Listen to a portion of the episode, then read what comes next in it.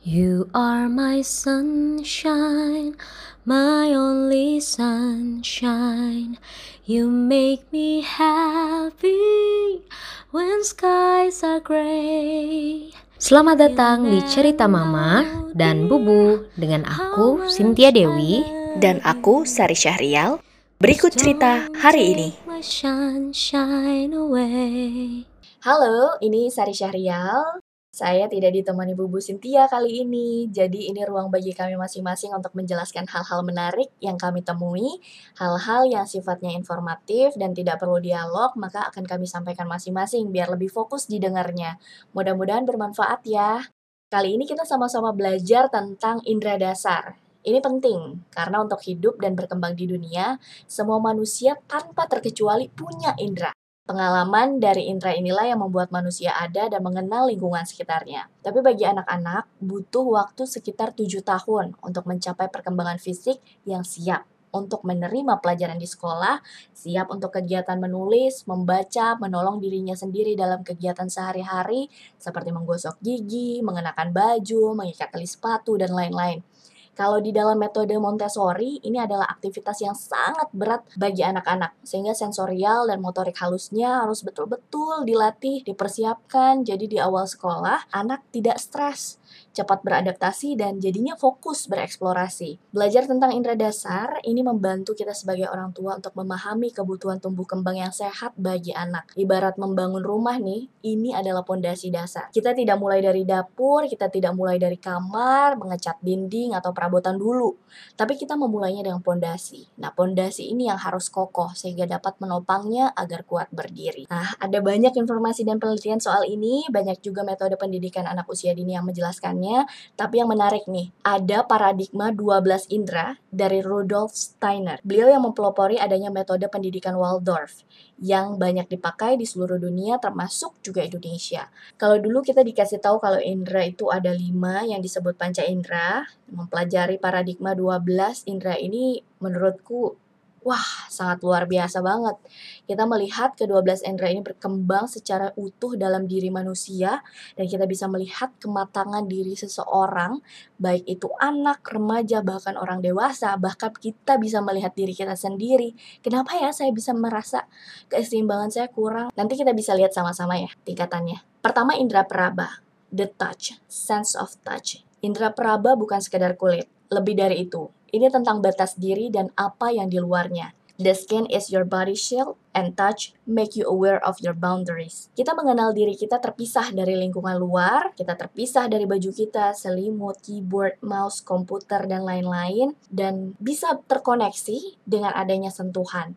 Nah, karena ada banyak saraf-saraf di kulit yang perlu distimulasi agar listrik-listriknya mengkoneksikan saraf-saraf ini dengan baik sehingga indera-inderanya bisa bekerja dengan baik. Indera peraba ini sudah berkembang sejak di dalam janin ternyata. Kemudian terasa dengan proses persalinan di mana ada dorongan kuat ketika seorang manusia keluar dari dunia ini saat proses kelahiran. Ini adalah pengalaman indera yang luar biasa bagi seorang manusia. Kemudian ada pembedongan yang kokoh yang membuat seorang bayi yang baru lahir ini merasa aman, nyaman, dan hangat sehingga inderanya bisa tenang. Kemudian diajarkan mengenal berbagai macam tekstur, halus, kasar, kering, basah, dan lain-lain. Atau dengan menggenggam mainan, kalau di metode Montessori itu mayoritas aparatus atau mainannya itu terbuat dari kayu. Ini bukan tanpa alasan. Ini untuk memberikan kesan hidup di indera perabanya. Jadi tidak hanya sekedar mainan, tapi aura tentang kehidupan di sekitarnya juga ikut masuk dalam diri anak ini. Masalah kemudian muncul ketika indera peraba ini tidak terstimulasi dengan baik. Dikenal dengan tactile defensiveness, ada reaksi yang berlebihan ketika anak merasakan sentuhan ringan misalnya. Nggak jarang kalau kita lihat anak-anak dengan masalah taktil ini bisa saja memukul, menendang, melempar. Jika disentuh, ini kerap kali dianggap sebagai tindakan agresif ya, padahal sebetulnya ini adalah cara anak melindungi diri. Anak-anak dengan masalah taktil ini juga kerap mencari kenyamanan yang kokoh dengan sentuhan yang kokoh, misalnya membenturkan diri ke benda-benda keras, meja, dinding, atau menghentak-hentakan. Ini bukan tindakan agresif sebenarnya. Ini adalah sinyal untuk anak bahwa ia ingin merasakan batasan dari dirinya sendiri. Ia ingin merasakan dirinya sendiri ini sejauh apa ya. Nah, isu taktil juga bisa dimanifestasikan ketika anak menolak memakai baju, memilih baju yang longgar-longgar. Kadang isu ini emang nggak tampak um, sekarang munculnya di usia sekolah Isu lainnya yang bisa muncul misalnya anak menolak untuk mencukur rambut atau tidak menyukai keramaian. Apa yang bisa dilakukan orang tua? Bisa dengan mengajaknya bermain di luar, berkebun, berguling di rumput, bermain di alam, merasakan tekstur alami dari daun, pasir, lumpur, dan lain-lain. Atau bermain permainan tradisional. Membuat circle time seperti menari, menghentakkan kaki, berputar, dan lain-lain juga bisa memberikan pelukan yang erat dan pijatan-pijatan. Di masa 0-7 tahun ini yang sangat diperlukan untuk melatih indera peraba anak. Kedua, indera daya hidup sense of life untuk mengenal kondisi diri atau keharmonisan tubuh. Biasanya sering aba ya, baru terasa ketika sakit, ketika lapar, mengantuk, lelah. Nah, di situlah indera daya hidup terasa. Pain is a sensory warning system. Rasa sakit itu tidak nyaman, sehingga kita mencari cara agar kemudian tidak terulang lagi. Indera daya hidup ini adalah tempat belajar yang mengajarkan kita mendengarkan kebutuhan tubuh, merasakan ketidaknyamanan yang cukup untuk diri kita sendiri. Kalau kita begini, oh ternyata tidak nyaman ya. Tanpa perlu sengaja membuat kesulitan untuk anak, dia akan merasakan sendiri ketidaknyamanannya secara alami. Merengek, saat lapar untuk mendapatkan susu, menghindari lantai yang licin agar tidak terpleset, mengusap kepalanya ketika terbentur, dan lain-lain. Dengan mengajarkan anak untuk menghadapi kesulitannya, akan membuatnya tumbuh dengan bijaksana. Tantangannya adalah menjauhkan anak dari kebanjiran informasi. Ini memang sulit ya di dunia digital seperti sekarang ini. Kita kerap kali memperpanjang hari, memberikan kegiatan yang sangat banyak, sehingga anak tidak betul-betul merasakan indera daya hidup ini. Anak-anak yang punya masalah tidur biasanya sinyal terlalu banyak aktivitas atau overstimulasi. Jadi diingat-ingat nih. Apa yang bisa dilakukan orang tua adalah membuat ritme yang teratur. Bisa baca buku positif disiplin dan lain-lain. Pokoknya intinya adalah consistency is a key. Perlu kebiasaan yang terpola, jam mandi, makan, tidur, sehingga tubuhnya sendiri bisa secara efektif memberikan sinyal daya hidup kepada anak. Juga cara lainnya adalah menjaga nutrisinya. Ketiga yaitu indera gerak, the movement. Indera gerak ini membawa kepuasan tersendiri bagi anak.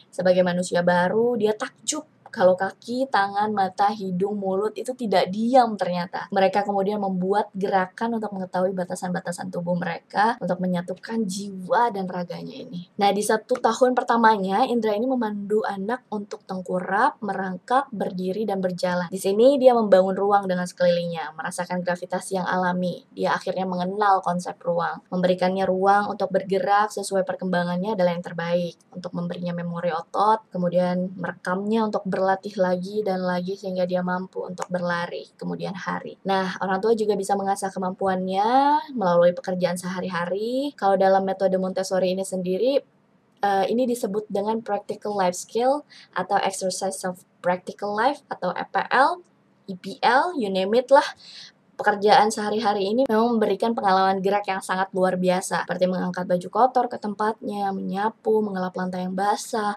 mengambil mainan dari raknya kemudian mengembalikannya lagi. Ini adalah aktivitas indera gerak yang sangat luar biasa untuk anak-anak. Nah, keempat itu adalah indera keseimbangan, the balance. Keseimbangan ini sangat penting dalam tingkatan fisik dan mental. Ini juga secara alami terjadi, kita tidak perlu melarangnya untuk melintasi tempat-tempat sempit, misalnya masuk ke kolong meja dan lain-lain. Ini dorongan alamiah sebenarnya. Dorongan alamiah anak-anak ternyata untuk melatih keseimbangannya. Kuncinya, kalau semakin dilarang tapi tetap dilakukan, berarti itu kebutuhan. Jadi gimana caranya? Lingkungannya harus aman. Itu yang bisa dipersiapkan oleh orang dewasa di sekitar anak. Nah, keempat indera ini, baik itu peraba, indera daya hidup, gerak, dan keseimbangan masuk dalam kategori lower sense atau tingkatan fisik. Ini berkembang pesat pada usia 0 hingga 7 tahun kehidupan. Ketika pondasi ini sehat dan kuat, individu akan merasa bahagia dengan tubuhnya. Ini memberi anak kesempatan untuk lebih bisa bereksplorasi. Artinya rentang waktu yang tidak boleh disia-siakan. Karena kalau tidak, kemampuannya akan tertutup. Dan kalaupun akan memperbaikinya lagi akan butuh waktu lama. Oke, okay, selanjutnya indera di kategori kedua, middle sense, yakni indera penciuman, perasa, penglihatan, temperatur, dan pendengaran. Kalau sebelumnya ada dorongan dari dalam sendi diri sendiri yang terjadi secara alamiah, tahapan kedua ini dorongan yang distimulasi dari luar diri manusia. Dan indera ini mulai diasah pada usia 7-14 tahun. Lanjut, ini adalah poin kelima, indera penciuman. Ini terkoneksi dengan otak ketika ada stimulus. Ketika mencium sesuatu, otak akan memproses, kemudian menyimpannya dalam memori. Sehingga kalau kita mencium sesuatu nih, ada banyak definisi, ada banyak informasi, nggak cuma aroma. Tapi kita bisa menilai aroma ini adalah bau yang tidak enak, atau kita mencium aroma yang enak, wah ini makanannya pasti enak nih. Jadi tidak sekedar aroma, tapi ada persepsi yang akan mempengaruhi seseorang dari pengalaman indera penciuman ini. Keenam, indera pengecap. Ini yang diberikan lidah, sensasi merasakan manis, asin, asam, pedas. Kalau di dalam metode Montessori, ini sudah diperkenalkan sejak usia dua setengah tahun ya. Nah, ketujuh yaitu indera penglihatan. Indera ini dipengaruhi oleh stimulasi dari luar. Misalnya ada terang, gelap, warna merah, kuning, hijau, biru, mejiku, hibiniu. Dari mana kita tahu itu warna merah? Karena ada pengalaman memori sebelumnya yang yang membuat kita bisa membedakan antara satu dan lainnya itu berbeda warnanya. Kedelapan temperatur, dingin dan panas. Misalkan memegang batu es, tidak hanya sekedar dingin, tapi kita bisa merasakan wah teksturnya kasar dan kemudian lama kelamaan tangan kita jadi merasa sakit atau tangan kita jadi kebas. Itu sensasi itu bisa banyak interpretasi dan pengalaman yang diberikan. Kesembilan, ini indera pendengaran. Indera pendengaran dari pengalaman-pengalaman dia mendengarkan ini bisa mempengaruhi persepsi dia terhadap sesuatu. Misalkan jeda, aksentuasi, intonasi. Si pendengar ini bisa dengan dengan mudah mengenali mood seseorang. Wah, ini dia lagi marah nih.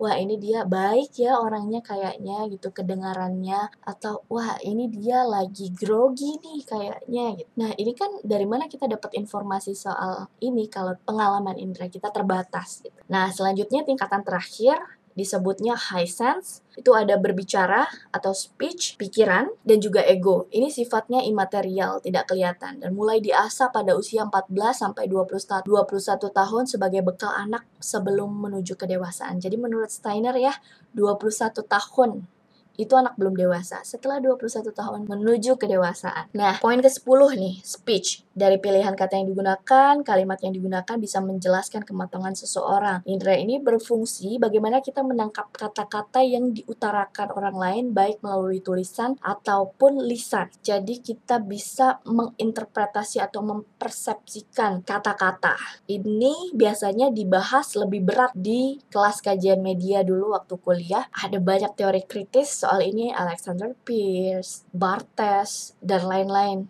Ke-11, indera pikiran, sense of thought. Kita punya kemampuan untuk mendengarkan apa yang menjadi fokus kita dan mengabaikan apa yang tidak jadi fokus kita. Ini salah satu bentuk kecerdasan juga yang terkait dengan indera-indera yang lain nanti saya jelaskan. Kedua belas yaitu ego. Indera ego ini adalah indera merasakan eksistensi orang lain atau makhluk hidup lain di sekitar kita.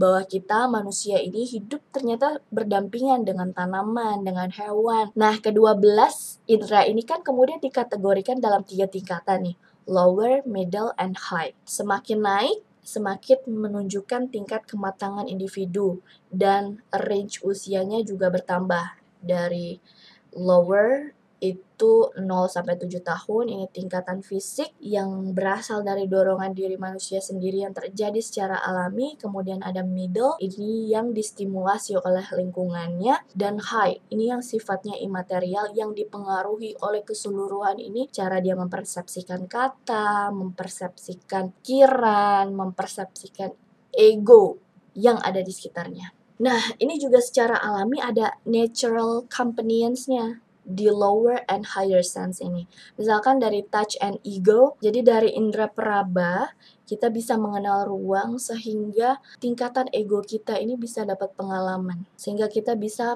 menaruh perhatian terhadap lingkungan sekitar karena kita punya indera peraba, ada sesuatu yang di luar diri kita. Kemudian ada life and thought, da indra gaya hidup dan pikiran, mengembangkan kesehatan dan mengapresiasi alam sekitar untuk mengembangkan thinking ability. Jadi seberapa jauh pengalaman indera daya hidup kita, seberapa jauh ia mempengaruhi pikiran kita. Kemudian movement and language. Jadi di dalam movement ini selalu ada yang dibahasakan. Misalkan ketika bergerak dengan cepat itu namanya lari. Terakhir adalah balance and hearing. Di mana perkembangan keseimbangan itu membantu listening skills. Jadi ketika melatih keseimbangannya itu juga melatih pendengarannya semakin baik. Sekian kali ini mengenal 12 indera dasar, semoga bermanfaat, semoga bisa menjelaskan semuanya karena sebetulnya ini materi banyak sekali dan saya padatin nih. Semoga bisa dimengerti ya. Terima kasih banyak, sampai jumpa.